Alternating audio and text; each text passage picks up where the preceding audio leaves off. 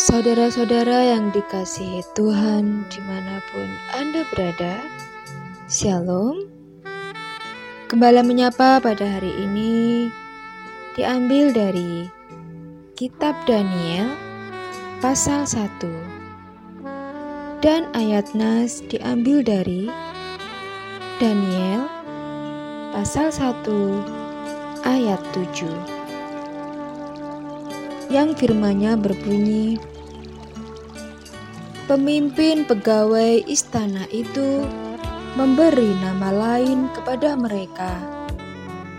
Daniel dinamainya Belshazzar, Hananya dinamainya Sadrak, Misael dinamainya Mesak, dan Azaria dinamainya Abednego.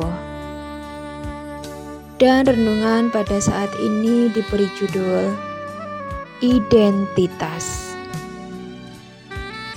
Saudara-saudara yang dikasihi dan yang mengasihi Tuhan, masa muda sering disebut masa mencari jati diri, di mana biasanya mereka dianggap belum dewasa dan mudah terpengaruh.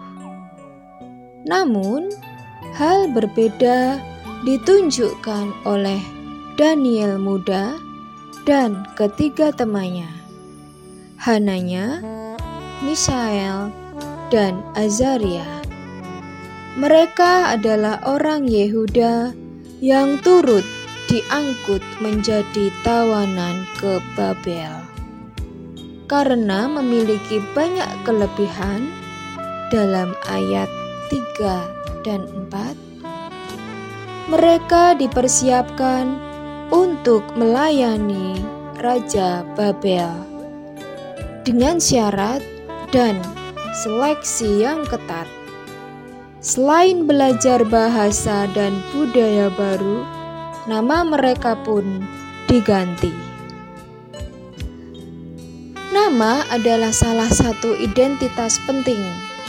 Itu mengingatkan mereka akan siapa mereka dan apa yang mereka percayai. Daniel berarti Allah adalah hakimku. Hananya berarti pemberian Allah. Mishael berarti yang seperti Allah. Azaria berarti ditolong Allah. Identitas mereka itu diganti menjadi Belshazzar, disukai Dewa Bel, Sadrak, yang artinya perintah Dewa Aku, Mesak, yang berarti tamu raja, dan Abednego, yang berarti hamba Dewa Nego. Setiap nama baru ini berkaitan dengan dewa-dewa Babel.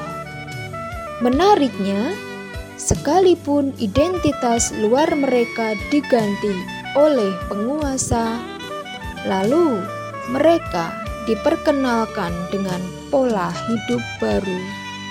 Namun, iman mereka kepada Allah Israel tidak pernah berubah, karena sejak awal mereka telah memantapkan hati untuk menaati Dia.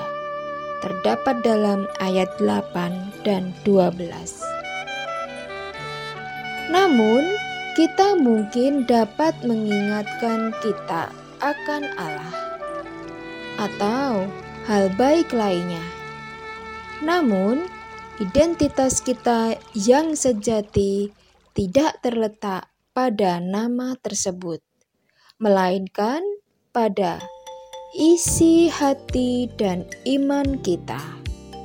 Beriman terhadap Allah, itulah yang menjadikan kita anak-anaknya.